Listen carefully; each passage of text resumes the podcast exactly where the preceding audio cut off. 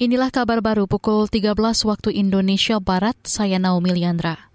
Ribuan petani beserta buruh berencana melaksanakan aksi unjuk rasa di Istana Negara Sabtu besok.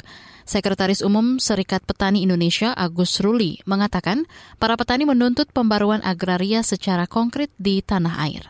Ini adalah agenda bangsa, mandat konstitusi yang harus dijalankan oleh penyelenggara negara untuk mencapai uh, tatanan agraria, penguasaan, pengelolaan kekayaan alam uh, menjadi lebih uh, berkeadilan, tidak lagi mencerminkan peninggalan uh, feodalisme dan kolonialisme. Itu tadi Sekretaris Umum Serikat Petani Indonesia Agus Ruli. Unjuk rasa dilakukan untuk memperingati Hari Tani Nasional yang mendesak reforma agraria, yakni pemberian tanah bagi petani rakyat. Saudara, pemerintah membatasi komoditas penerima pupuk subsidi. Petani ubi diminta gunakan pupuk non-subsidi.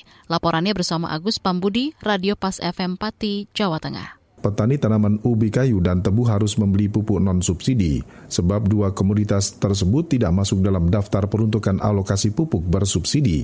VP Penjualan Wilayah 3B PT Pupuk Indonesia Persero Rizky Chandra Sakti menyatakan jenis pupuk bersubsidi saat ini dibatasi.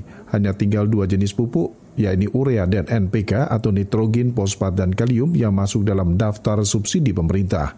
Dia menjelaskan penetapan itu berdasarkan atas peraturan Menteri Pertanian Permentan nomor 10 tahun 2022. Dari 70 komoditas sekarang hanya tinggal 9 tiga tanaman pangan, tiga horti, dan tiga perkebunan. Kebijakan pembatasan jenis pupuk dan komoditas yang mendapat subsidi diakui Rizky berdampak pada petani tertentu. Karena itu, kelompok petani terdampak perlu beralih ke pupuk tanpa subsidi. Dia menambahkan, PT Pupuk Indonesia tetap menyediakan stok pupuk ZA dan SP36 non-subsidi. Agus Pambudi, Radio Pas FM Pati melaporkan untuk KBR. Itu tadi laporan dari Agus Pambudi, Pas FM Pati, Jawa Tengah. Kita beralih ke berita selanjutnya.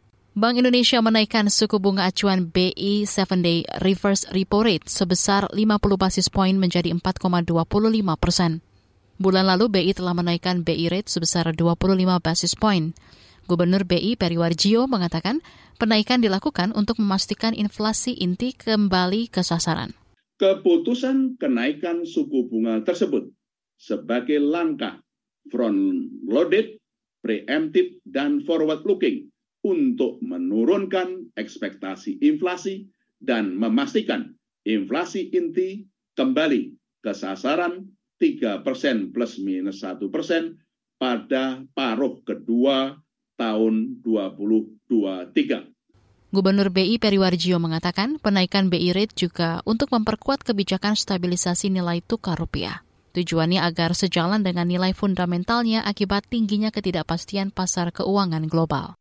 Demikian kabar baru KBR, saya Naomi Liandra.